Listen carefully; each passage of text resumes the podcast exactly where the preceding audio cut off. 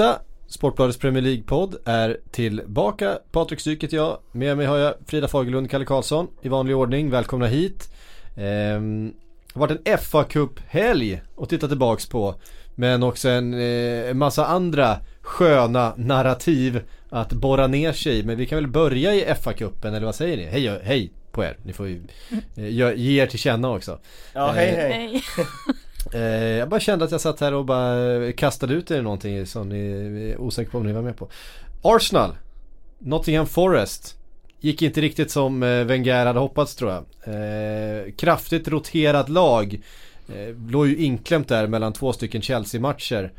Eh, som var högre prioriterade, det är ju rätt så uppenbart. Men eh, eh, det kan inte ursäkta allt att man har roterat eh, sitt lag för det där var en match, det var en prestation som Wenger inte kan vara speciellt nöjd med. Nej, på, på ett sätt var han kanske ganska nöjd med att han tvingades sitta på, på läktaren. Eh, även om man sa efteråt att det nästan var värre att förlora eh, när man sitter på läktaren, när man står längs sidlinjen. Nej, alltså man vet knappt vad man ska, vad man ska säga men man kan ju summera det som att Nottingham ville betydligt mer än Arsenal i den här matchen. Eh, och förutom försvarsmissar då från Arsenals sida så var ju mittfältet i princip helt, helt obefintligt. Mm. Det var, eh, nej, det- tycker väl inte att någon av spelarna kan känna sig speciellt nöjda efter en sån prestation.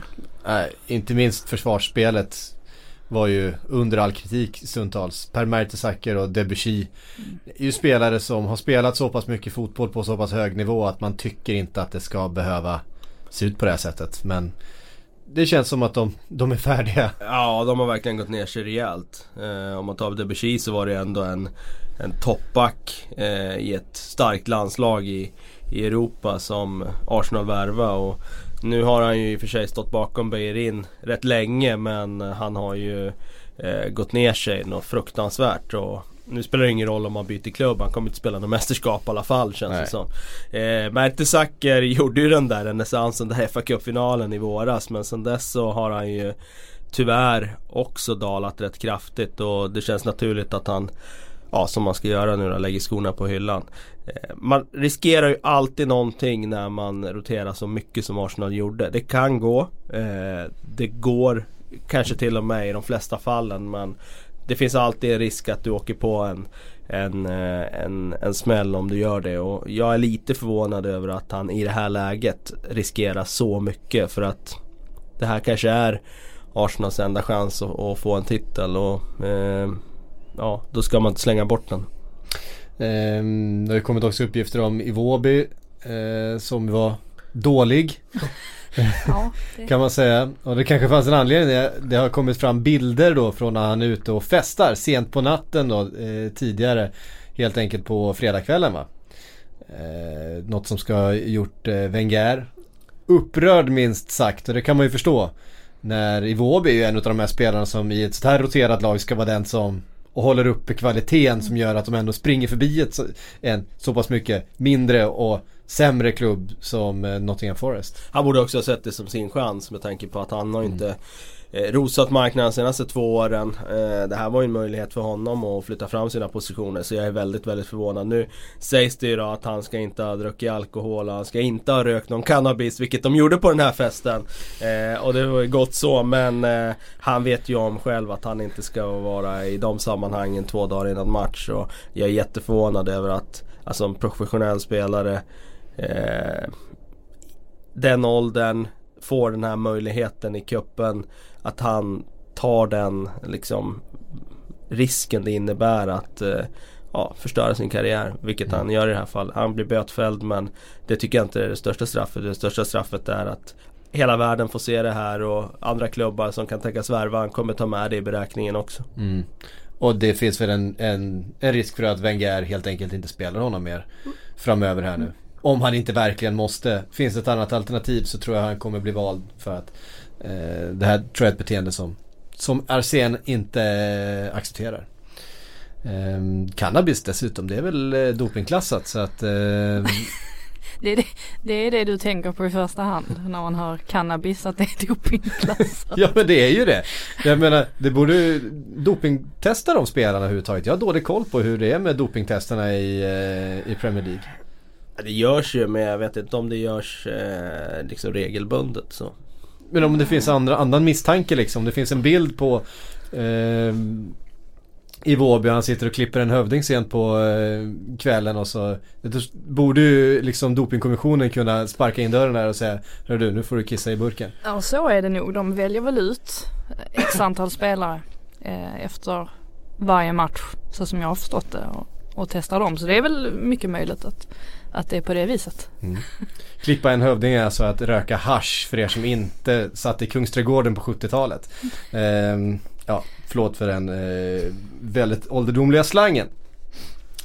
Eh, Wengers avstängning då? Han kritiserade domare. Eh, var det rätt att han fick sitta på, på läktarna eller? Vi har fått en fråga från Jean-Pascal Stryver.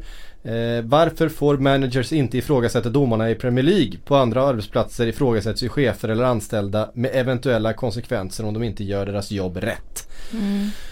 Alltså nu blir det ju automatiskt så att man eh, väger in eh, varför han var så himla upprörd. Eh, och domslutet där i West Brom matchen var ju horribelt såklart och det kostade ju Arsenal två oerhört viktiga poäng. Mm. Så på det sättet är det väldigt, väldigt enkelt att känna med Wenger att han, att han var så pass upprörd som han var. Eh, å andra sidan så vet man ju inte exakt vad han har, vad han har sagt till de här domarna efteråt. Ja men det handlar väl om vad han sagt i intervjuer och så här. Alltså ska man inte få kritisera? Alltså det, det Ska man inte få kritisera jag. domarna? Det får man ju inte. Nej det får man inte men, men jag tycker att, att det är en ganska Det känns som att det krävs inte så mycket för att man ska bli fälld. Uh, och det kan jag tycka är, är lite löjligt. För precis som du säger så någonstans måste man väl kunna säga vad man tycker borde på en presskonferens. Borde det vara högre tak Kalle? Ja, jag tycker det. Jag tycker jag tyckte länge. Eh, det blir lite som att de blir lite för skyddade domarna. Eh, för då blir det ändå som att de kommer ju inte undgå kritik från den stora massan bara för att tränaren inte får säga det. Alla, alla, alla ser ju misstagen. Alla, så att jag ser inte riktigt varför inte tränarna ska få säga det som eh, ja, ändå sägs runt omkring. Men det är klart det får inte gå till överdrift men jag tycker att det kan vara högre i tak, tak än vad det är idag. Mm.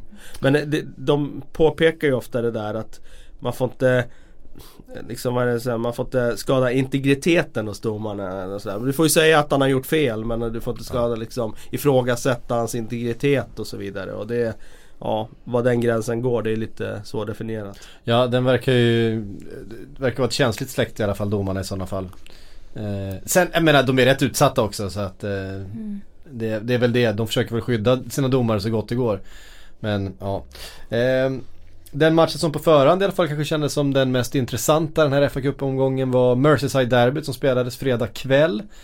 Eh, Van Dijk med sin eh, debut i Liverpool och eh, från början Alltså under matchens gång, det var väl inte den mest sprudlande tillställningen så var det lite frågan lite grann vad, vad rubriken skulle vara men i 86 minuten så såg han ju till att den rubriken på något sätt skrev sig själv van Dijk med mål, avgörande mål i sin debut för eh, Liverpool. Mm, ja, det är ju det är helt sanslöst egentligen. Eh, det var lite kul också att sitta och följa, eh, jag satt och följde så här van Dijk på, på Twitter bara för att det var intressant att se vad, vad folk tyckte om honom under matchens gång.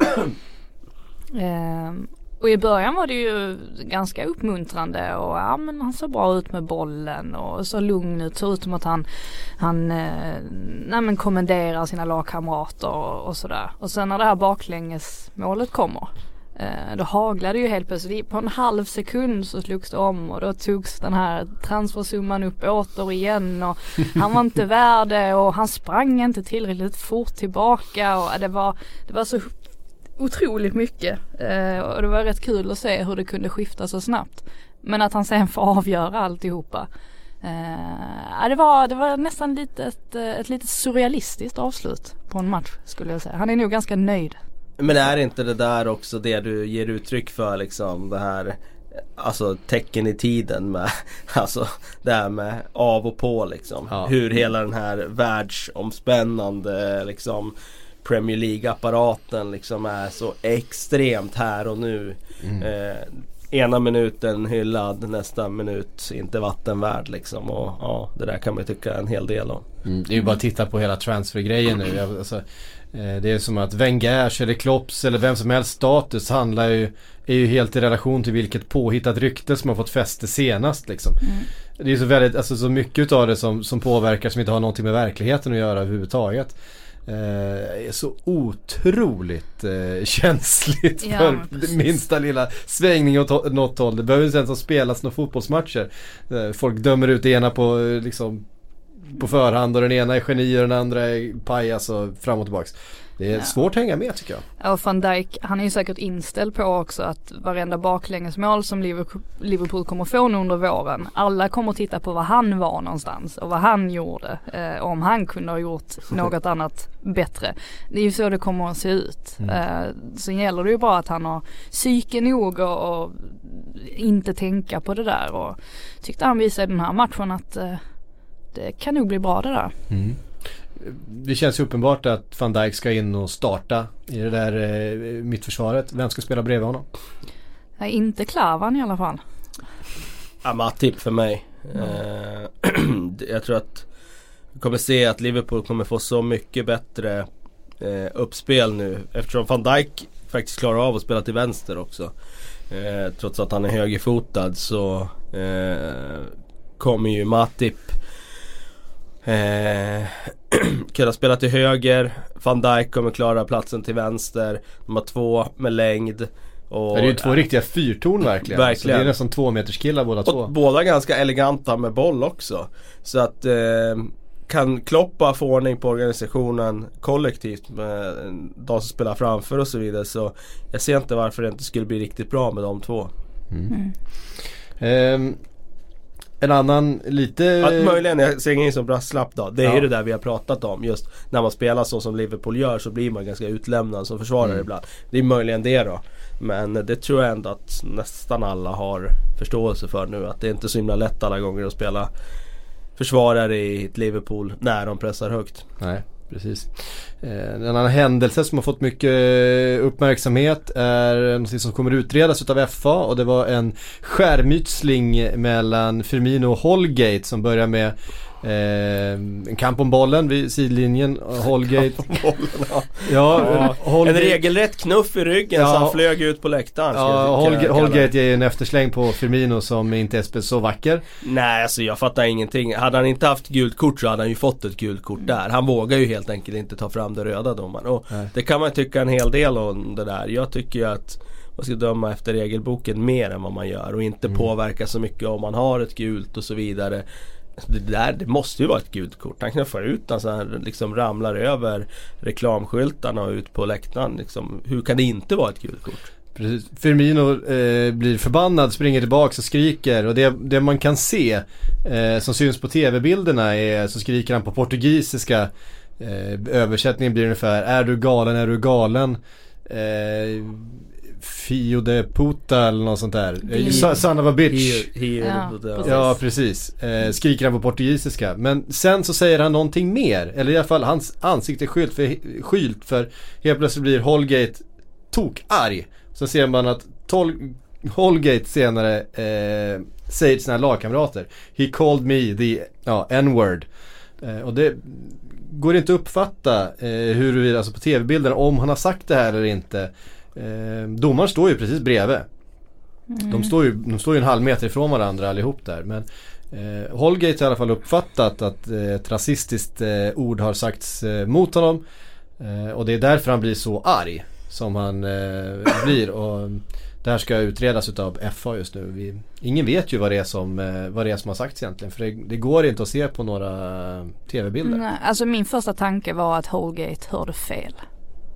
Eh, och så var det kanske inte, för mina kanske sa någonting mer efter att han hade sagt det där på portugisiska. Men jag fick bara känslan av att, eh, av att han hörde, men jag, jag förutsätter att Holgate inte pratar portugisiska. Det gör han kanske. Eh, men om vi förutsätter att han inte gör det. Att han kanske missade då att något ord att han har hört fel. Nej jag vet inte men å andra sidan han reagerade ju så otroligt starkt. Så ja, han reagerade väldigt det starkt. Det får ju en att tänka att Uppenbart så har han ju uppfattat någonting som Ja. Eh, som det här. Som vi inte ska precis. upprepa. Och har han sagt det så är det naturligtvis då är det ju helt, helt vansinnigt. Ja, ja och då, då ska han ju stängas av. Men det är ju man, inget snack. Man tänker det borde, alltså domaren borde ju ha uppfattat det i så fall också. Det känns ju märkligt om han inte har gjort det när han var så i situationen som han var. Ja, han står ju precis bredvid. Holgate är ju Det är väl då han, han har ju till och med varit och, och knuffat på domaren eh, I situationen eh, tidigare där. Det är också Någonting som man inte får göra i fotboll. Eh, nej, vi får se vad det eh, Men var det inte så att Madley skulle eh, ha eh, med någonting om det där i sin rapport? Men att just det inte har kommit ut ännu. Nej, precis. Men eh, vi får väl se vad det innebär. För om Madley skulle ha hört någonting då skulle han ju ha visat ut Firmino direkt. Ja man tycker ju det. Mm. Man tycker ju det. Eh, så är det. Men det var han, han målar ju in sig själv i ett hörn där för att först inte ge Holgate gult kort. Det var väl antagligen kompensation för straffen precis innan. Ja det var För det. att det var ju ju, inte det var ju en väldigt, väldigt, eh, ja. det var ju en felaktig straff. Mm. Så Ja, är det ju. Och då väljer han att inte ge Holgate sitt andra röda, äh, gula kort och då kanske han typ kände att nej men då blir det konstigt om jag ger Firmino Ja, där, Alltså jag, tror också, jag tror också att det kan finnas en poäng i det. Men det är det som är problemet när Ja. man målar in sig själv i ett hörn. Ja. Alltså, de rätt från början så liksom, det Mm. som är bestraffningsbart bestraffar det liksom. Då Mm. tror jag man hamnar mer rätt. Ehm, nästa vecka är Premier League tillbaks igen. Då är det Liverpool mot Manchester City. Eh, tror ni det blir Matip och van Dijk då? Ja det känns väl som det eftersom att de startade i FA-cupen så känner man väl att då kanske Klopp hade en tanke om att de skulle spela ihop sig lite grann. Ingen Coutinho. Han är borta. Eh, om ni vill höra en, höra en väldigt lång utläggning om, om Coutinho och den affären så hänvisar vi till gårdagens Sillypodden. Eh, då jag eh, pratar färdigt. Hela om, avsnittet. Om den, eh, inte riktigt hela avsnittet men en, en, en rejäl utläggning i alla fall kan vi kalla det. Eh, om varför de säljer i januari och så vidare. Eh, men det verkar också vara så att, eller vi vet ju att Gabriel Jesus inte kommer spela på söndag. Han är skadad och finns misstankar om att skadan är allvarligare, allvarligare än vad som tidigare har kommunicerats. För han är nämligen nu nere i Barcelona för att se en eh, specialist och ta reda på huruvida det faktiskt är en korsbandsskada eller inte i hans knä. Och skulle det vara det, då är ju till och med VM borta. Då är det ju nästa säsong som han får sikta på. Det vore ju oerhört tråkigt. Mm. Ja men såklart. Eh, känns det som att för de flesta spelarna så 2018 handlar ju väldigt mycket om, om VM såklart. Eh, så att missa ett, ett sånt slutspel det måste ju kännas för jäkligt rent ut. Alltså var 20 år gammal, man gör den säsongen som han gör. Han, han, han är ju startspelare i brasilianska landslaget. I ett, alltså inför ett VM. Det är ju, det, det, det är ju för tungt om det är så att det är en jävla korsbandsskada. Jag kommer bli så ledsen känner jag. Spontant. Man vill ju liksom så här, det här är ju liksom en sån spelare man verkligen vill, vill se där och man vill, vill att han ska få det genombrottet som han ju har potential eh, att få med det laget som Brasilien kommer att spela också. Det är ju ett superlag de, de kommer ha till sommaren. Ja men de har ju jättetungt favoritskap. Eh, det har de och kan eh, potentiellt få möta Sverige i en åttondelsfinal också. Det är inte Bara en sån sak. Mm. Ja, precis. Ja. ja, vi får se hur det går med eh, eh, Gabriel Jesus då. Eh, helgens andra snackis har inte handlat så speciellt mycket om vad som har hänt på planen. Eh, om vi då bortser från sillseason. Det handlar om eh, den här ordkriget mellan Conte och Mourinho. Jaha, det det. Som eh, har underhållit i alla fall mig. Jag tycker det här är fenomenal underhållning. Eh, Ja. som började med Mourinhos eh, egentligen passning till både Conte och Klopp.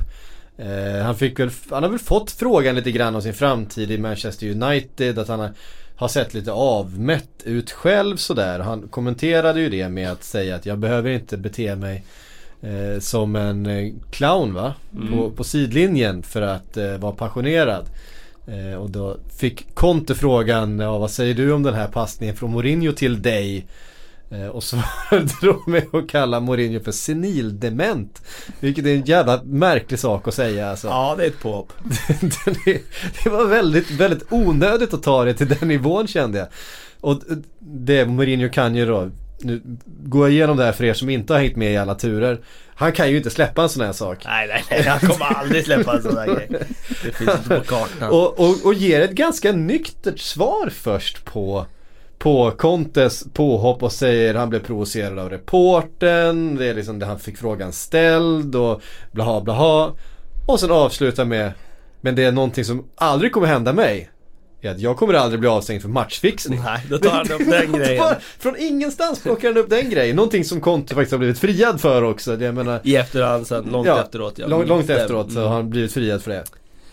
Ehm, och det är liksom Man väntar ju bara på att eh, Mourinho... att, Och sen kom ju, sen kom ju, sen har ju Ja, sen, Conte och sen, sen, sen har ju eh, Conte kommit tillbaks. ehm, ja, vad var han sa sista Han sa grejen? att nu? han var en liten Ja, man. just det. Att han var en, att han var en liten man. Ja. Ehm, man väntar ju bara på att Mourinho ska håna hans hairplugs nu liksom. Det, det är ju på den nivån. Det, det allra roligaste med Mourinho det är ju när, han har ju säkert bestämt sig på förhand att nu ska jag lägga in en sån smocka alltså till Conte. Och så sitter han och pratar i tio minuter om, om allt annat och, och så som man brukar göra att, att man nästan inte förstår någonting av vad han säger. Och sen bara slänger in en liten, en liten, eh, en smocka där mot slutet.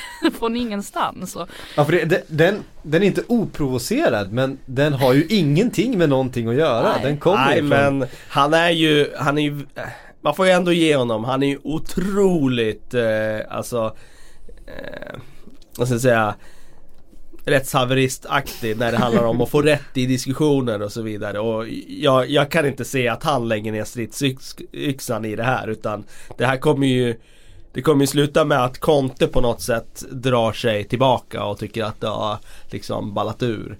För Jag tror Mourinho han kommer liksom aldrig Det kommer komma om det här elden dör ut lite då kommer han slänga in ett nytt vedträ i brasan liksom för att det ska leva lite till. Framförallt om hans lag då spelar dåligt så att han kan liksom flytta fokus till den här diskussionen. Så att eh, ja, eh, det blir som sagt man kan ladda upp med lite popcorn och, och sitta och följa det här. Alltså man ser ju inte att sådana här saker inträffar utan att Mourinho är inblandad. Och att han har en baktanke kring det. Ja, ja, visst Så är han det det. Och han har ju, alltså de avskyr varandra de här två människorna. Så är det ju. Det, det är ju inget Det är ju inget vi kan tvivla, eller behöver tvivla på att de hatar varandra de här två. Men Mourinho har ju också hela sin historia med Chelsea. Judas is still number one. Och Ja, han, han, han kan ju inte släppa det här liksom. Han, han, eh, han hatar ju Conte lika mycket för att Conte kom till Chelsea och vann titeln med, med sitt lag liksom. Som han ju fick sparken från. Ja. Alltså, det, det gör ju så oerhört ont i honom. sen var det väl den där 4-0 förlusten också antagligen som Ja, det blev inte bättre. Jublet vid 4-0 målet som fick bägaren att rin- rinna över den gången så han var tvungen att tillrättavisa honom. Och det. Conte är ju också en känslomänniska och en, en Ja det är fruktansvärt underhållande att de är Ja. Sen Ja, känns det nästan så- lite som, som terapi, alltså förutom det här för Mourinho att han vill flytta fokus så känns det lite som terapi för han själv. Alltså när, när han är inne i en liten tuff period i livet så startar han någonting sånt här precis som att, att han mår bättre av det. Jag tror absolut att han, att han stärks av det här. Ja, det tror jag. Jag Ja, tror inte alls att det här är negativt Nej. för honom. Nej, han behöver de här Ja. liksom dusterna Psykologiska krigen för att liksom vara helt fokuserad så att det tror jag också Men sen är det frågan om, om eh, Ready to pop the question? The jewelers at BlueNile.com have got sparkle down to a science with beautiful lab grown diamonds worthy of your most brilliant moments. Their lab grown diamonds are independently graded and guaranteed identical to natural diamonds, and they're ready to ship to your door. Go to BlueNile.com and use promo code LISTEN to get $50 off your purchase of $500 or more. That's code LISTEN at BlueNile.com for $50 off. BlueNile.com code LISTEN. nu, nu spelar ju de här lite utanför den stora scenen. De är ju liksom på någon slags eh, ja, bakgatan nu medan City är liksom på, Mm. på den stora scenen och dominerar överallt. Så det här är ju liksom deras det här är ju nästan deras 50 seconds of fame den här säsongen. Alltså det är ingen annan som bryr sig om dem på samma sätt som de hade gjort om de hade varit med i titelrace. Det här har ju blivit liksom deras sätt att få synas lite. Mm. Alltså Senildement-kommentaren var ju... Var, alltså, du, du gillar den? Nej men just när, just när jag hörde den, alltså han, han fäktade efteråt, så han sa det på italienska också för att det liksom han, han hade inte det engelska ordet men det var det här han ville liksom. Och sen den här konstiga översättningen som någon kallar för amnesia. Det är ju inte alls det det betyder. Det var ju någon, jag vet inte vem det var som översatte det från italienska i någon tidning efteråt. Nej, men det är ju inte det det betyder. Det här är något, det är någonting helt annat. Men sen, vi har väl inte ordet heller på svenska, senildement. Jag har aldrig Jo absolut. Det är, Senildement. ja, Jag har aldrig använt det. det är en sjukdom. Eh, som drabbar Jag gamla trodde människor. att man antingen som, var senil eller så var man dement. Jag trodde att det var, Ja, det kallas ju senildement. Eh, men eh, ja. Okej. Eh, drabbar ofta gamla människor och får dem förvirrade och, och personlighetsförändrade Mm. och så vidare. Och Mourinho. Eh, och, och enligt eh, Conte så är det hans teori varför Mourinho beter sig som han gör. Ehm, vi släpper dem där då. Det är väl inte slut det här. Tror ni FA kommer lägga sig i här? Orkar de det? Ah, inte så länge det hålls på den här liksom nivån så att de boxar mot varandra liksom. Nej, jag, tror att eh, de skiter i det. Var inte FA inne och fick sära på eh, Ferguson och Wenger när de höll på som värst? Ja, det kanske de var. Eh, Blev FA inblandade då? Jag tror För det var ju lite roligt. När han... eh, Det är ju nästan senast som vi har haft ett... eh, Ja eh, men sen, sen hade ju faktiskt Mourinho och Wenger en Mourinho och ganska, Wenger har också När han sa att han var en fönstertittare eller något sånt där. Det var ju fruktansvärt kul. Eh, snubbe. Men precis, det var ju då Wenger liksom mer eller mindre hotade Mourinho med stryk på sidlinjen när de var på och knuffade varandra och han såg ut som han skulle, som han skulle eh, nita honom i stort sett. ja, det... Ja. Som sagt. Det är- Nästa kapitel följer nog snart. Jag vet att Conte sitter i detta nu och gör en presskonferens. Så att eh, man vet aldrig. Det kan komma nya verbala smockor Ja. bara inom någon timme. Ja, eh, vi ser fram emot det. Mm. Oj vad vi ser fram emot det. Eh, VAR gjorde sitt inträde, alltså Video Assistant Referees gjorde sitt inträde i engelsk fotboll igår kväll i eh, FA, eller ligacupens, eh, vad är det, semifinaler? Kvartsfinaler de spelar. Nej, det var FA-cupen va? Ja det var det. Ja det var FA-cupen Mm. igår, ja förlåt. Ehm, det var under helgen, men igår så användes det. Ehm, men det användes inte så att det var något domslut som ändrades, men de bekräftade då det här målet som dömdes bort. Ja precis, det är ju en ganska banbrytande grej det här för det har ju ändå diskuterats under så många år när ska videoteknologin ta steget in och nu har de det här på prov då i FA-cupen i några utvalda matcher och eh, nu var det ju den här matchen då med Brighton Crystal Palace och lämpligt nog så blir det en situation som är verkligen sådär situation som det går att veva om och om igen. Eh, och eh, det var ju Glenn Marrays eh, avgörande mål. Och det visade sig då att det inte var hans. Så att videoteknologin kunde ändå slå fast att målet skulle stå fast. Ja så var det. Jag ska säga att jag har inte sett matchen själv för jag får inte in den där kanalen hemma på min TV. Ehm, Men det var ändå intressant Bedrövligt. att Roy Hodgson sa ju faktiskt efter matchen Den mycket sympatiske Roy Mm. Hodgson och eh, eh, Han sa ju att han var ju förbannad när målet var för han tyckte ju att det där borde ju liksom ändå ha varit hans. Men sen när han fick svart på vitt att de hade tittat på videon och bedömde att det skulle vara mål och han hade efter matchen fått titta på videon då, ja, då tyckte han också att det var a genuine goal som han sa. Mm. har varit väldigt mycket domarfokus den här säsongen i Premier League. Mer än vad det brukar vara. Inte minst nu de senaste eh, veckorna faktiskt.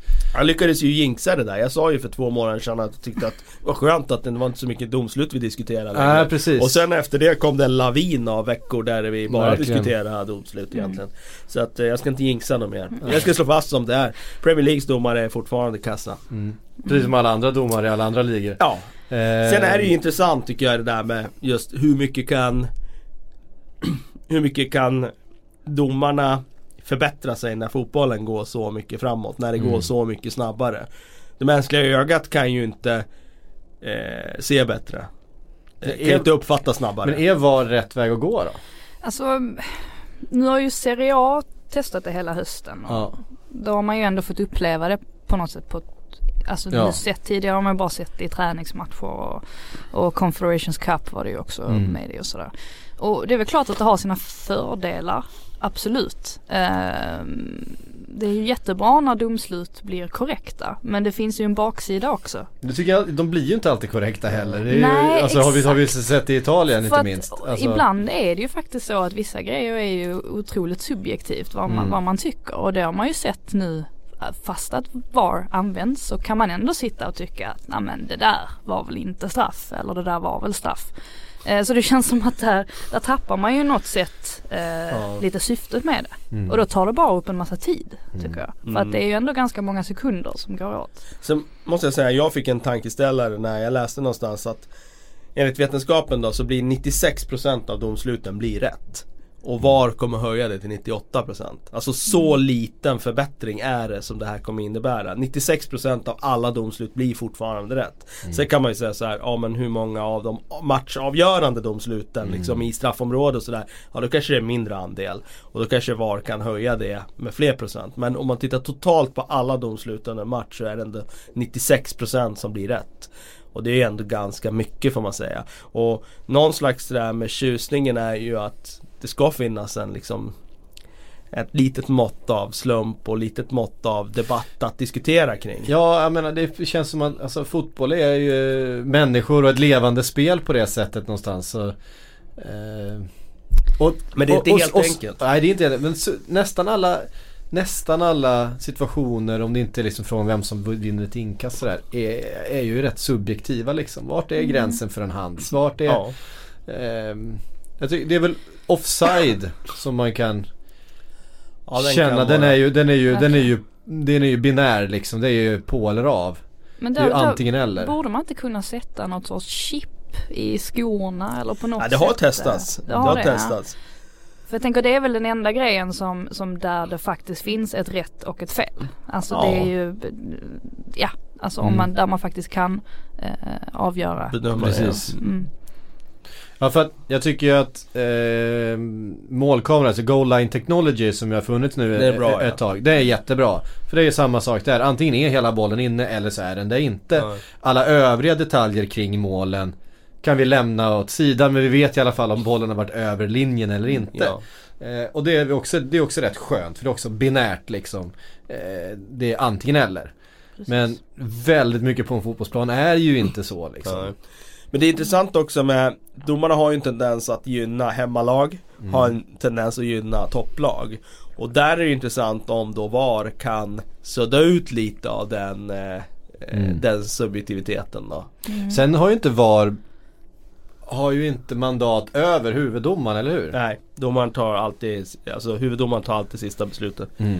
Ja, sen eh, även om man tar sista beslutet så, så tänker man att det kanske finns en risk att det blir som i som i hockey till exempel, nu tit- tittar inte jag på jättemycket hockey men jag tycker ibland att det känns som att de lägger över väldigt mycket ansvar på de här som videodomarna och att det finns en risk att man själv avskriver sig ansvaret eh, hela tiden. Mm, Att det finns den mm. sidan också så att Mm. allting har ju Alltså det finns fördelar och det finns Absolut. nackdelar också. Vet ni vem som aldrig kommer lägga över ansvaret på, på Mike VAR? Dean. Mike Dean. han, han kommer bli den första domaren att säga emot VAR. Ja, ja, ja Och säga att nej, jag har koll på den här situationen. Jag skiter i vad ni säger. Jag dömer straff. Det, det, det, det måste ju bli så.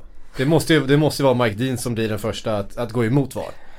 Kan Eh, vara så Det ligger ju i hans natur. Det gör det Att gå sin egen väg och sticka ut lite. Ehm, Mark Hughes har fått sparken. Mm, det var inte Det jätteoväntat. Det, var- det var väl på tiden ändå, får Ja. man säga. Jag har ju sagt att nu får Mark Hughes sparken. Nu får Mark Hughes sparken. Har vi sagt i hela vintern här känns det som. han verkar inte ha trott det själv. Det är det som är så i alla fall vad man har, vad han har sagt på presskonferenser efter förluster och sådär. Så har han ändå känns som att han har trott att han har skulle att få vara kvar men eh, nej. Ja. Han verkar inte ha förstått heller att han har fått sparken. För idag såg jag också en intervju med honom där han förklarar att Stoke kommer bli bättre under avslutningen på säsongen. Eh, så sa jag så men Borde du verkligen, ja, det, det så här. Ja, det Inte tack vare dig i sådana fall för att du är inte, du är inte kvar där. Han, ehm, ja. Ja, det blir intressant att se vilken väg de går nu. Mm. Med tanke på att de, de har ganska mycket Jag tror i och för sig att de har tittat på Borde ha sneglat på Crystal Palace och på Everton också för den delen som har tagit in liksom Beprövade Premier League-tränare som gör det enkla och gör det kanske resten av den här våren Men Vilka, Sen- vilka namn finns det då Ja, det är- tillgängliga? Är det som så här, är det Ian Dowie, Jaha men är Martin O'Neill de ska... Mark Kerbersley Eller Alan Kerbersley menar. Alan, Ker- Alan Kerbersley. Alan Kerbersley Ja. Eh, nej, jag, jag, jag kan inte komma på någon annan än Tony Pulis som passar där just nu. Men han är ju inte tillgänglig. Nej, han har ju är precis tagit ett, ett jobb nu så att det är svårt eh, på det sättet. Men går alltid att köpa loss. Beror på om man betalar. Nej men jag, det, det var ju därför också som man inte fick sparken direkt ljus. För att eh, de bedömde ju att det fanns ingen riktig ledig kandidat som var lämplig på marknaden. Så det har gjort att han har fått mer tid. Eh, men jag tror att det kommer bli en ja, jag, jag kan inte komma på någon sådär som är klockren för jobbet. Men jag tror att det kommer bli en en, eh, en enklare lösning säsongen ut och sen får de ta en diskussion vart de vill styra kosan någonstans till nästa säsong men framförallt framöver. Vad de har för vision över tre fyra års sikt. Mm. Intressant med det här Graham Potter-ryktet som dök upp på Mirror.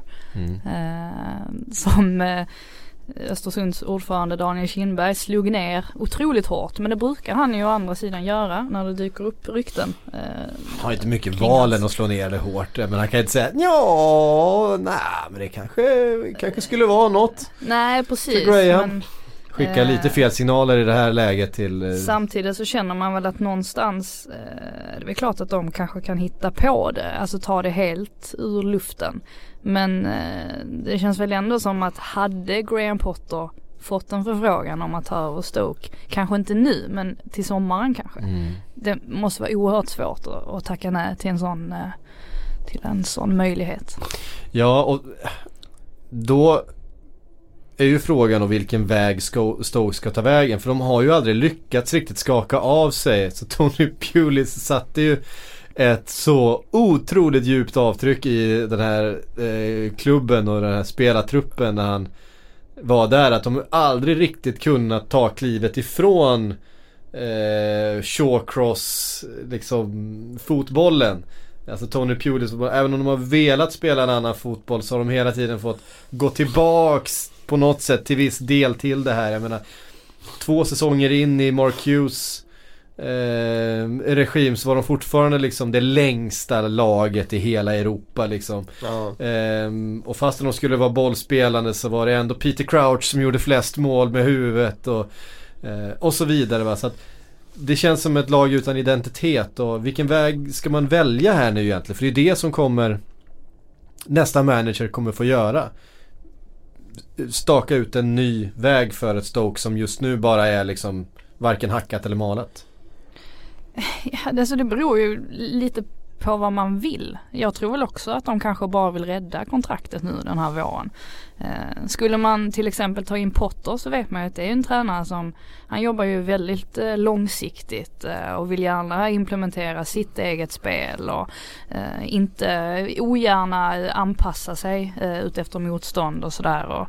Eh, de får ju helt enkelt liksom sätta sig ner och bestämma vilken typ av väg man vill gå. För precis som du säger så nu, just nu känns det ju som att Stoke inte är någonting alls överhuvudtaget. De liksom bara svävar mitt emellan. Mm. Började scouta spelare i division 2 norra. Till Stoke. Men eh, frågan är ju om de blev skrämda av sitt eh, experiment att försöka röra sig i en annan riktning. För att Mm. Det är ju väldigt svårt. Det räcker ju inte att byta ut 5-6 spelare för att bli Barcelona eller ens Barcelona light. Utan eh, du måste ju nästan byta ut hela elvan och det är ju en jäkla svår process och det är en lång process och man ska ha mycket tur om man sätter alla sådana värvningar på plats. Och då kanske man de får ta några år där det går lite sämre. Man får ju ändå säga med ljus att de klarar väl tre år i rad placeringar på topp 10. Ja. Vilket var en framgång utan tvekan. Och jag tror inte att de är kapabla och liksom bara plötsligt nu styra om till att börja liksom, röra sig mot Barcelona-fotbollen igen. Utan jag tror att de ska vara Stoke med allt vad det innebär och mm. den här lite skräckinjagande stämningen på Britannia och mycket inlägg och långa inkast och så vidare. Det är deras DNA och det är det dit de borde röra sig. Sen är det klart om de själva anställer Graham Potter och vill röra sig dit så tror jag att det är klart att jag, jag har stort förtroende för honom så jag tror att eh, det, det, är möjligt att eh, liksom, vad ska jag säga, eh, att han lyckas på, med att styra om dem. Sen hur, vad det innebär för tabellplacering. Det inte, innebär inte att de slutar på övre halvan liksom. Något mer inom överskådlig framtid en av hans styrkor också Graham det är ju trots allt att han kan hitta lite så här eh, guldkorn eh, i spelare och sen eh, ha en förmåga att utveckla dem och göra dem egentligen oigenkännliga. Eh, så är det. Men, har man sett många exempel på. Absolut, det är en fantastisk förmåga men jag skjuter ändå in lite att han har gjort det på allsvensk nivå. Mm. Eh, och det är inte riktigt samma sak att göra när man byter nivå. Alltså eh, hans Alltså det är svårare att hitta de fynden som kan prestera på det sättet. Han, skulle, han behöver ju utvecklas också om han ska ta det här jobbet. Han skulle behöva utvecklas med det här jobbet i sådana fall under en period. Eh, för att lära sig. Jag menar. Det är ju en jätteskillnad förstås att vara, att vara fotbollstränare i Östersund och vara i ett Premier League-lag med allt vad det innebär med försäsonger och trupper och akademier och liksom eh, som man måste ta hänsyn till. Och det, han, det är väl också det, tar man in en manager som är erfaren från den här nivån som vet allt det här, som har ett, ett team, en stab som kan det här. Eh, att jobba i den typen av organisation. Jag menar det är, det är stora företag i de här eh, fotbollsklubbarna. Mm. Eh, jag tror också att Graham Potter på, på sikt kommer vara en manager för kanske Premier League och så vidare och hemma i England förstås. Eh, men att ta det klivet från ett Östersund med den lilla organisationen och med det spelrummet man har där till ett, till ett Premier League. Jag vet inte ifall eh, det går att ta det klivet så snabbt utan att man behöver utvecklas som tränare också liksom. Eh, Nej absolut, alltså när man har tänkt på honom och hans vidare karriär så har man väl oftast tänkt att han kanske börjar i en han klubb Han skyndar ju som, rätt långsamt så att det känns som ja, att men precis, äh, att han får, äh, får många år på sig och ja men till exempel ett, ett League One-lag som har potential att kliva upp i Championship till exempel. Mm. Alltså att det är någonstans där han kan få jobba ganska lång tid utan att känna allt för mycket press ändå. Det är väl, det är väl det, tänk, det är ju det första man tänker på när man tänker på hans vidare karriär. Det kom ju också rykten om att eh, Stoke skulle ha förhandlat med Brendan Rodgers. Och att det var deras eh, första val okay. mm. under, under vintern här. Men att han eh, efter mycket om och mig sa, sa, nej till dem. Att han ville stanna i Celtic då hellre. Um, och då, det hade ju varit att, att välja en, en, ett vägval då liksom mot eh, Alltså för det var ju det som man försökte göra med Mark Hughes då. Eh, egentligen att försöka ge det en vända till då. Men Brennan Rodgers var inte intresserad den gången. Conte har snackat om Mourinho här under tiden. Vi ja det är klart på. han har. Vad härligt. Han bland annat. Gåshud Kalle, gåshud. He, he used serious words. Said serious words. I won't forget this. This is not a problem for the club. It's a problem with me and him. Oj, oj, oj. I won't forget this. Man så ju, det kommer nog leva vidare. Ja. Man ser ju fram emot äh, mötet där mellan äh, Slutet av februari sägs det att de möts. Ja de möts mm. i februari ja. Det blir härligt. Ja men det är skönt att vi har någonting annat Det här måste leva fram till dess. Det här, ja, måste, det här måste ändå kännas färskt fram till dess. Ja. Eh, om inte annat så kommer de bli påminda om det inför. Do I have the face that looks like I regret it? The Mourinho comments alltså. Ja. I don't think so. He use, He's using serious words. I won't forget this. Usch, det är lite gåshud. Ja, Gåshudsvarning. Ja, de, de hatar varandra. Ja, det gör de verkligen. Det här är... Det, det har eskalerat till en nivå som eh, jag vet inte om vi har varit på den här ingen, nivån innan. Det, det finns ingen äh, återvändo härifrån i alla fall. Nej det gör det inte. Det gör det inte. Ehm, om vi stannar i Chelsea lite då så har ju Conte fått en eh, ny spelare som ska in i, eh, i rotationen och det är Ross Barkley. Som mm. eh, var någon som föreslår här. Han har haft världens dyraste rehab. ja. Det skulle kosta 35 miljoner på deadline day i, i eh, somras. Nu kostar han 15. Det var en, det var en 20 miljoner punds rehabilitering på sex månader. Ja. Eh, Everton-supportrarna är rätt besvikna. Plus lön under den tiden. Ja. Plus lön under den tiden. Ja det kan ju vara en, ett av de sämre transferbesluten som har tagits de senaste åren i Premier League i alla fall. Mm. Med tanke på att han inte har gjort en minut sedan dess och Men det var ju han själv som tackade nej till eh, kontraktsförslaget den Jo gången. men de hade ju kunnat tvinga bort han då. Tror du Ja. inte? Ja, absolut. Eller så hade inte. de inte kunnat gjort det. Eh, ju, han har ju i alla fall kostat klubben lite pengar. Ja det kan man säga. För han har inte spelat en minut. Eh, oerhörd. Jag, jag var ju nästan lite hånfull mot hans eh, hamstring-rehab här. Alltså jag sa att en hamstring som har tagit 6-7 månader att rehabilitera. Det har jag inte hört talas om innan. Sen såg jag ärret på hans lår. Eh, det är ju en ganska rejäl hamstringskada han har haft alltså. Har ju, det är oroväckande för Chelsea. ja, det ju, är riktigt oroväckande. han har ju alltså, de har fått skära upp hela låret på honom. Ja. För att komma åt den där och knyta ihop den igen och eh, ja, det, det de är luriga som- de skadorna. För har man en gång fått det på det sättet Mm. då Då är det svårt att få samma explosivitet igen och eh, nå till den nivån att man kan liksom pressa det där låret gång på gång på gång utan att det går igen. Så att eh, ja, med, med den infon om hans eh, lår på det sättet då är det nog rimligt att den där summan också sjunker lite grann. Kanske inte från 35 ner till 15 som det blev nu men att den sjunker i alla fall. Mm. Ska i alla fall vara eh, spelklar om inte allt för länge. Han är uppe och springer och är igång och tränar. Eh, vad det verkar. Hur ska han, liksom, vart ska han in i det här Chelsea-pusslet egentligen? Han ska in på eh, en av de offensiva mittfältspositionerna i deras 5-3-2 så att det blir ganska givet var han ska in. Och det tror jag kommer passa han väldigt bra. Då får han lite defensiv täckning och han kan eh, utgå från en central position och dessutom eh, lite eh, avlastning när det gäller kreativa från spelare som Massard och sådana runt omkring så att eh, jag tror att eh, han passar ju bra så. Jag är mer orolig för att sådana där spelare som har varit supertalanger och sen kommer de in i en period där eh, det inte går så bra under två års tid. Det är inte så himla lätt att bara trycka på en knapp och sen eh, börja leverera igen. Kolla hur lång tid det tar för sådana spelare och vissa kommer aldrig någonsin tillbaka till sin nivå igen. Även om man hela tiden tror att ja men tänk om han bara får ordning på Mm. sin kropp nu eller på vad det nu är. Men oftast brukar det sluta med att man inte når upp i den här potentialen mer.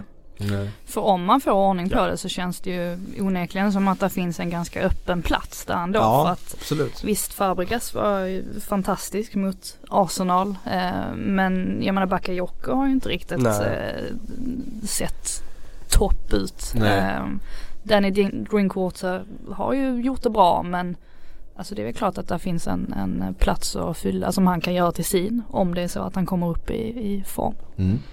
Ehm, mm, det ska bli spä- spännande att se vart han tar vägen. Vi har ju trott mycket på Ross Barkley ju. Man gillade ju honom Ja, när, han, ja, ja. när han slog igenom den första säsongen där. Man var ju hänförd.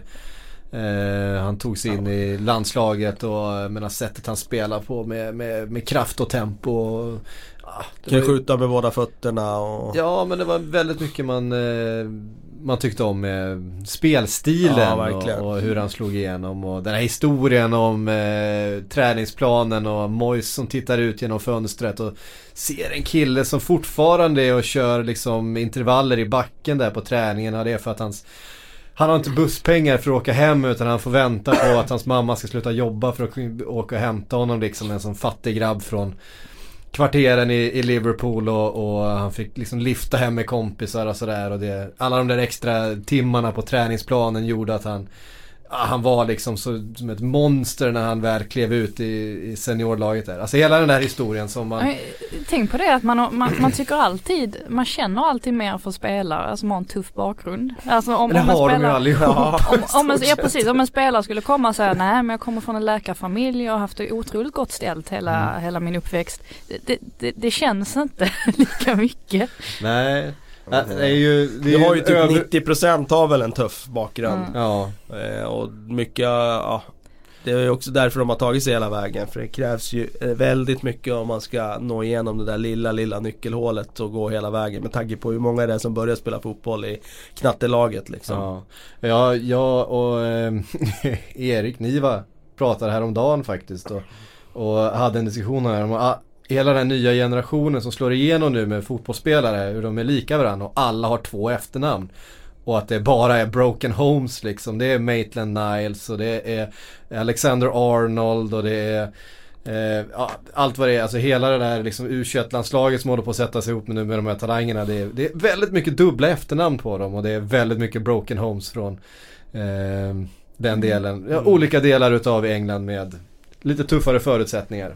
Ja och sen tror jag också, för jag vet när jag pratade med eh, Sonny Karlsson, sportchef i Häcken, eh, så, så hade han en teori om att, men just det här att det även i Sverige är mycket mm. så här mm. förortskids som, eh, ja, men, som jobbar på och blir väldigt duktiga. Att, att de Eh, på något sätt påverkar även de som kommer från privilegierade förhållanden på ett positivt sätt. Att eh, de som är mer, ja men kommer från ganska trygga bakgrunder eh, anammar den här hungern som de här förortskidsen ofta har som, som man kanske egentligen saknar. Att det finns mycket, eh, mycket utbyte däremellan som är väldigt positivt för, för utvecklingen hos spelare. Det kan ju ligga någonting i det. Mm. Det gjordes ju en, eh, en, det skrevs jag minns i alla fall en, en sån eh, artikel när eh, det engelska, den här, alltså förra då, gyllene generationen här med Lampard och Gerard och, och, Beckham och hela, hela det gänget. Att de allihop kom från en väldigt liknande bakgrund, väldigt arbetarklass och eh, stökiga förhållanden. Med ett enda undantag och det var ju Lampard. Lampard ja. Som ju kom från en fotbollsfamilj då på, på ett annat sätt. Men att de allihop kom från verkligen sina städers liksom motsvarande områden. Mm. Um, och det där hänger ju i. Det, det ser vi ju eh, på alla håll och kanter. Det är väldigt typiskt för fotbollen av någon anledning. Mm. Eh, lite frågor då. Jag har fått en fråga från Annika G, G Stryver. Hette inte han Stryver innan här också? Vi har fått två Stryver som har ställt frågor idag. Familjen Stryver är, är överrepresenterad i, i dagens podd. Eh, hon undrar, är Johnny Evans ett bra köp för Arsenal? Han är ändå 30 år. Ja det har ju börjat pratas om det att eh, Arsenal ska ju in och rycka i, eh, nu blir det lite silly här i alla fall men det är sådana tider och, och, det är lite intressant att bara leka med tanken på att stoppa in en Johnny Evans i Arsenal just nu för att de behöver ju göra något med sin defensiv de också. Jag tror att det har varit en bra värvning faktiskt. Han har ju eh, gjort det väldigt bra i, i West Brom i flera års tid nu. Eh, och det är eh, nog inte utan att United ångrar lite grann att man, att man släppte honom på det sättet som man gjorde. Eh, för jag tycker inte de som har kommit in efter honom har varit bättre egentligen än vad han har varit. Så att, eh, vem, vem, vem var det som släppte honom? Det var, var det nog, Fanchal? Nej, det måste Ja, var det så sent som Fanchal? Det kan ju inte varit Ferguson, Mois, det kan jag inte tänka mig. Det är Mois möjligtvis som släppte honom. Mois eller Fanchal mm. är det ju.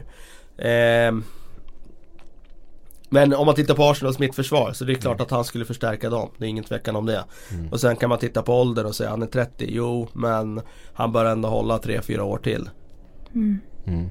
Och de, det känns som att de behöver en ledare också, någon som tar tag i det. Som, ja men alltså någon som ja, men kan styra och ställa. Lite som man såg van Dijk nu göra mot Everton. Att liksom instruera lagkamraterna, här ska ni vara, här ska ni liksom täcka. Ja men någon som säger åt dem, för det har sett otroligt yrt. Det är så oerhörd brist på mittbackar just nu, eller på backar överhuvudtaget. Alltså, det pratas om en halv miljard för Maguire liksom i, i Leicester. ja, pratas det om det? Ja. Vem säger det? Han är bra. han är Vem bra, nu, är, nu är det City som ska ha Maguire istället. Maguire för en halv miljard, ja. City, ja. Lätt värt alltså. Eh, det kanske inte var de mest trovärdiga uppgifterna men det är liksom att det bara nämns ja. överhuvudtaget. Är, är... Det säger något eh, om eh, den brist som råder. Ja. Eh, fått en fråga från Boda. Eh, han skriver nu när psyk inte är med Ja okej. Okay. Eh, kanske ni kan diskutera om FSG kommer sälja Liverpool eller inte. Det har ju ryktats rätt länge. De är ute efter vinster men tjänar de inte mer Eh, men tjänar de mer på att behålla Liverpool? Eh, eftersom jag då är med så får jag väl svara lite kort då. eftersom jag brukar svara på Liverpool-frågan här. Eh, jag tror det handlar helt enkelt om att de tjänar mest på att Liverpool som klubb ökar i värde. kan de få upp Liverpool på en nivå där de är stabila, en sta, stabil Champions League-klubb igen. Att man etablerar klubben som en eh, topp 3, topp 4 klubb i England, att det blir tydligt. Då har man ökat värdet på klubben ganska mycket mer och då tror jag man kommer sälja. För det tror jag är deras mål. Var deras mål från början. De såg en slumrande jätte på något sätt. Eh, med stora skulder som man eh, kunde lösa genom en liten ekonomisk kupp som det var genom, genom banklånet där. Eh, så fick man loss klubben för ganska lite pengar. Försöka få tillbaka den till eh, en nivå som man hade haft några år tidigare och sen sälja den för betydligt mer. Det, det tror jag har varit deras plan hela tiden. Så att eh, så är det. Emil eh, Sauter, eller Sauter skriver Team of the Year röstar sig fram nu. Vilka Premier League-spelare tar en plats? Marcos Alonso undrar han. Mm. Eh, jag nämnde det här för Frida innan och det blev en debatt direkt kring målvaktsplatsen. ja, ja, det lär Frida, det ju bli. Frida, Frida, varsågod. Eh, David de Gea är en jättebra målvakt.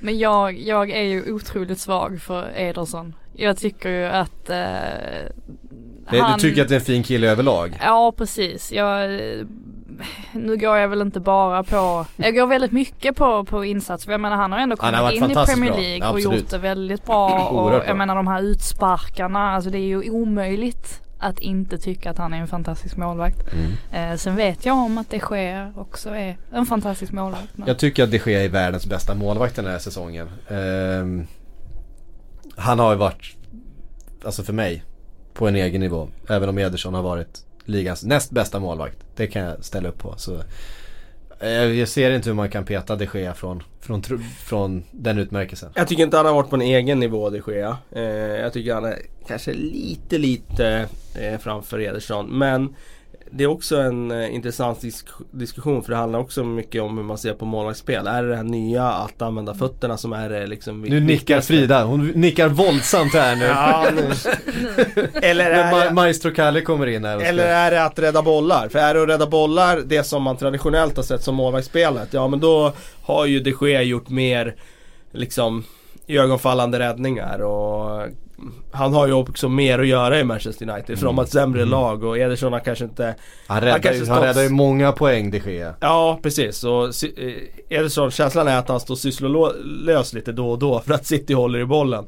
Ja, har, Men... man, har man 90% bollinnehav i ett lag då blir det inte jättemycket mål. Nej precis. Eh, Och så får han göra något ingripande här och där men har samtidigt helt otroligt spel med fötterna. Så jag tycker nog fortfarande det sker lite, lite framför men eh, jag tycker inte det är någon egen nivå så. Men Ederson är duktig på att rädda straffar också. Ja, det, det måste ju också räknas in i mm. ekvationen. ja det är han. Det är också Simon Mignolet i så fall vill jag ju flika ja. in då. Ska han också in där? Ja. Nej det ska han ju inte förstås. Ehm, Bra att, du, bra att du betonar det så att ingen tar det på allvar. Nej, det, jag, tror, jag tror inte det är någon som tar det på allvar. Det... Däremot tycker jag inte att han har varit så kass. Som, som många vill Nej det tycker inte jag heller. Jag håller med dig. Han är ju inte, han är inte ligans sämsta målvakt som en del ska ha det till. Eh, han är ju, han är ju rätt långt bakom de här två. Eh, när det kommer till allt eh, förstås. Men, så är det. men eh, ja. Det är en annan fråga. Timo Dier höll vi på med. Ja. Eh, Ska vi in... Eh, Mar Marcos, Marcos Alonso. Ja det, ja, det tycker jag. Eh, ja, spelmässigt är jag inte så imponerad men han gör ju mycket poäng. Eh, det är ju helt sjukt vad mycket poäng han gör. Ja men så ja. Eh. Jag svårt att se vem, vem vi annars skulle stoppa in där på en vänsterback. Uh, Nej, jag håller med dig. Det kanske inte är någon det är inte annan. Starkaste... Jag tycker inte Fabian Delf heller. Alltså, jag tycker att han är lite för sårbar defensivt och mm. gör lite misstag ibland här och där. Uh, funkar jättebra i sitt system dock men Nej men det är kanske Alonso. Det säger väl också någonting om bristen på vänsterbackar ja, då Kolasinac har ju inte, alltså han har ju gått ner sig. Gått ner sig totalt. Eh, mittback måste ju Otamendi in alltså. Han ja. har ju varit fullständigt briljant. Eh, sen... Ja så är det ju. Sen är det ju, man, alltså vi har ju hånat, eh, eller vi har inte hånat men vi kritiserade Burnley lite grann. Men det är klart att försvarsmässigt en Tarkovsky, Tarkovsky till, till exempel är, ja. ju, är ju, har ju varit väldigt bra den här säsongen. Ja. Sen har ju alltså Aspiliketa, alltså han är ju han är ju alltid bra också mm. på något sätt. Ja, men det är ja. klart det finns ju, det finns ju många man kan lyfta då. Men man skulle kunna ha honom som högerback också för han är ju högerback i en trea så att uh, skulle kunna sätta ut han där. Om vi På, hittar på, någon på, bättre. på bekostnad av Kyle Walker som ju... Ja precis, det är i och för sig svårt att ta bort Kyle Walker. Ja, han har varit väldigt bra. Ja det har varit. Ja. Eh, jag tror inte Aspi tar sig in alltså. Nej, det kanske blir utanför. Det är i så fall på. Tarkovskis bekostnad. Ja, precis. Eh, då tycker jag att det är roligare med Tarkovsky bara för Det är att roligt. man får in en spelare från Burnley och det, det är ju kul. Sant. Eh, ett mittfält då? Nick Pope är väl nästan trea där bland målvakter. Mm. Ja, j- vilken, alltså reservmålvakten Ja. Pope. Det trodde man inte. Nej. Det var liksom, eh, det var väl i, var det inte i matchen mot Liverpool? Jag vill minnas att, att han kom in som Som Ja, kan avbytare i den matchen. Och, Kan och, då, och då känner man att shit, nu ska vi äntligen få hål på det här försvaret. Och han stoppar allt. Eh, Och sen dess har han gjort det. Ja. Han har stått där och räddat, räddat rubbet i stort sett. Jag vet inte ens, alltså Heaton, alltså hur är det med hans skade? Vad, för jag tänker alltså om Mm. han kommer tillbaka och är hel, alltså då kan ju han knappast peta Pope när han har gjort det så bra nu. Nej. Jag, jag vet faktiskt inte Samtidigt alls så är Heaton också en väldigt duktig Ja målvakt. det är han ju. Mm. Ehm, och sen, eh, ja det har faktiskt varit rätt mycket duktiga målvakter den här säsongen. Mm. Eh, jag tycker Jordan Pickford har varit väldigt bra. Ehm, i, I Everton, Ja. även fast, fast Everton har varit usla så, stundtals så han, tycker har, jag han har haft några matcher där jag tycker han har sett, eh, gjort några konstiga utbuxningar och sådana här grejer. Mm. Men, eh, men ja, som du säger såklart det är ju, pratar, det är ju Englands framtid där. Ja, så är det ju onekligen. Mm. Ett mittfält då? Är det en 4-4-2 vi ställer upp? Ah! Ska vi vara sådana? Nej, inte 4-4-2 Det är ingen som spelar Nej. 4-4-2. 4-3-3. Ja, det är någon, någon måtta får det vara. En defensiv mittfältare Ja, då? Fernandinho är ju, Ja. tycker jag, svår att komma förbi. Ja. Jag tycker han har varit bättre än Matic och, och alla andra med faktiskt någon distans. Ja. Eh, Han har varit majestätisk ja faktiskt. centralt där. Verkligen. Det är svårt att komma förbi De Bruyne på en av de offensiva. Ja, verkligen. Eh, och det är nästan svårt att komma förbi David Silva också. Ja. Ja, det är ja. Coutinho i så Ja, fall. det är Coutinho som eh, möjligtvis skulle kunna utmana David Framför Silva. Silva, ja. Ja. ja. Ja. Ja, vi ska ta Coutinho där då. Salah till höger då. Mm. Ja, det måste man ju. Harry Kane centralt. Kane centralt och så du till Sterling vänster. eller Sané. Ja, Sterling spelar ju till höger så Han jag gillar ju inte det. att flytta på spelare. För mig är det Sané eller Hazard då till vänster. Ja, Hazard har varit bra också. Hazard har ju spelat forward nu i 5-3-2 men han var ju vänster i 3-4-3. Han var skadad rätt länge också i, i början på Men säsongen. Så. Fullständigt magisk. Han var Spelmässigt. väldigt bra Alltså om lagkamraterna gjorde mål på alla hans chanser han eh, serverar dem. Då skulle han haft liksom 25 assist den här säsongen. Och om Morata bara kunde förvalta ett friläge någon gång. Ja, sin, inte i, bara, i, inte bara liv. han. Han har ju för fan serverat eh, lagkamrat efter lagkamrat på silverfat de senaste två månaderna. Och de bränner och de bränner och de bränner. Eh, jag, jag, jag skulle förstå han om han är frustrerad med sina lagkamrater. Eh, Mm. Både, eh, Mm. eh, både den ena och den andra dagen. Eh, för mig Hazard. Ja, Jag håller med. Du håller med? Ja. Men där har vi det. Vem- det Vem är, skulle det annars kunna ha varit? Sané eller? Nej men det är Det är Sané. ingen- eh, Ingen från Arsenal? Nej. Nej, jag bara, Nej, alltså, inte, Sanchez har ju inte varit, Nej. eh, han har inte varit där och Nej. det är om man är Eh, Jag, konstat, jag konstaterar bara. Ja, In, ingen från det är Arsenal. Heung-Min Son har ju varit bra liksom men Ja, han är nej. inte så bra. Nej. Men sen Eh. Firmino, han har ju också varit alltså, väldigt bra. Det känns som att det är ju Jesse Lingard spelar ju centralt. Han har varit bra senaste månaden. Ja, men inte så mycket innan dess kanske. Ehm, Ja men det var ett bra lag ändå tycker jag. ja. får man säga. Alltså Det känns som att eh, För ja, jag det tänkte på vänsterbacken där, kan Ashley Young kanske utmana Nej för, för kort tid Alonso? tycker jag. För kort tid. Han gjorde några matcher, sen kom Shaw in, då flyttades Young över till höger dessutom. Ja. Så nej, lite för få matcher. Ja. Alonso. Sen, ja, sen tycker jag Son också har varit väldigt bra de, just den senaste tiden. Ja. Eh, gjort det fantastiskt. Så att det, ja. Mhm. Men vem petar du då i så ja fall? exakt. Det är ju det som, eh, Det är ett starkt lag. Det är svårt, Ett att, ta, det är svårt att ta sig in men han får vara på bänken då. Så Mm. vi kastar in honom. Eh, Avve skriver, tror ni Klopp, Klopp räknar Lalana som Coutinhos ersättare under våren när Keita och Lamar, in, Lemar inte verkar bli av? Ja det tror jag. Mm. Kort och gott. Kort och gott, ja det tror jag också. Det ska bli intressant ändå att se om de får loss Keita. För att jag tycker ändå att det är ganska många rapporter som indikerar att det faktiskt kan bli av. Mm. Eh, det tror jag är, Jag tror de jobbar på det. Mm. Så får vi se ifall det, ifall det händer. Det handlar nog lite grann om hur Keita beter sig också. Ehm, Får bråka sig bort. precis. Klassiskt. Eh, Kommer ihåg kapningen där, eh, där under, under sommaren när alla spekulerade Just in att han kapade lagkaptenen på en träning i, i eh, Leipzig eh, precis inför eh, premiären. När det var mycket snack om Liverpool och allt det där och han verkligen och då media i, eh, vart är han ifrån i Afrika? Men gud. han är från ett litet land. Där det står helt still. Är han gambian eller något sånt där? Nej. Nej är han inte. Det här är Gu- svagt. Gu- Guinea. Guinea är han från ja, Mm. precis.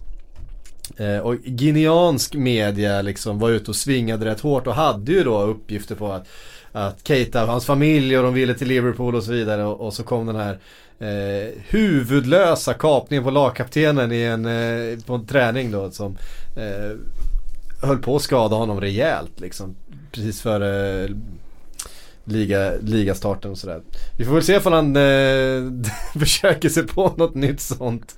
Han är ju lite, lite galen. Mm. Eh, den där. Ja, vi får se vad som händer men jag tror också att Lalana är, är Klopps eh, kille på den positionen nu när han är tillbaka från sin skada. Eh, Per-Axel Fredriksson skriver, har inte Jack the Lad ändå mest Barca-DNA i hela ligan? Nästan som ett rinnande Iniesta från eh, 08 den senaste tiden och nu kanske vi får besinna oss lite grann där men han har varit bra. Eh, Jack Wilshere. Det kan inte finnas någon annan spelare i Arsenal idag som är så älskad som eh, Jack the Lad. Han är ju deras kille liksom. Ja. Han har ju varit, han, de skulle ju liksom bygga laget runt honom. Och, men jag menar, det är ju fantastiskt. Jag menar, för ett år sedan satt han på bänken i Bournemouth. Och nu skriver Arsenal-supportrarna så här om honom. Han är given i startelvan och han är den som allting kretsar runt. Och han äter glutenfritt. Men det är ju, just det.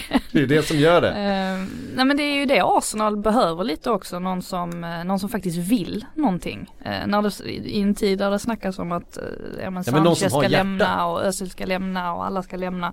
Eh, så är det kul att se någon som faktiskt tar chansen och faktiskt levererar. Eh, han var ju fantastiskt bra mot Framförallt mot Chelsea. För det vet man ju, det tror jag alla känner. Alltså att Jack Wilshere brinner för Arsenal. Det är, Så är det ju bara liksom. Han, det är hans klubb. Eh, jag tror att han alltid kommer älska Arsenal. Och jag tror att han kommer aldrig spela för en annan toppklubb i England. Om man har möjligheten att spela i Arsenal liksom. Eh, det, eh, det tror jag inte kommer hända.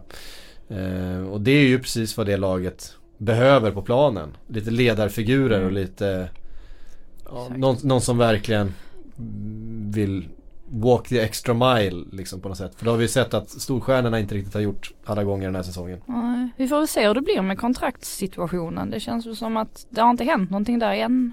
Av vad jag vet. Nej, Han står fortfarande. eh, håller på att förhandla men det kommer bli Det kommer bli av. Mm. Eh, jag hoppas bara att, att Arsenal också förstår värdet av att ha en sån som Jack Wilshere i det här laget just nu. Att han kommer vara väldigt viktig för dem. Så är det. Hörrni, det var faktiskt allt vi hann den här tisdagen. Klockan springer ifrån oss. Det har varit en lång diskussion om det där laget. Eh, Team of the year. Eh, till slut, det är inte så konstigt. Eh, tack Kalle, tack Frida för att ni kom hit. Tack för att ni har lyssnat. Vi hörs om en vecka igen.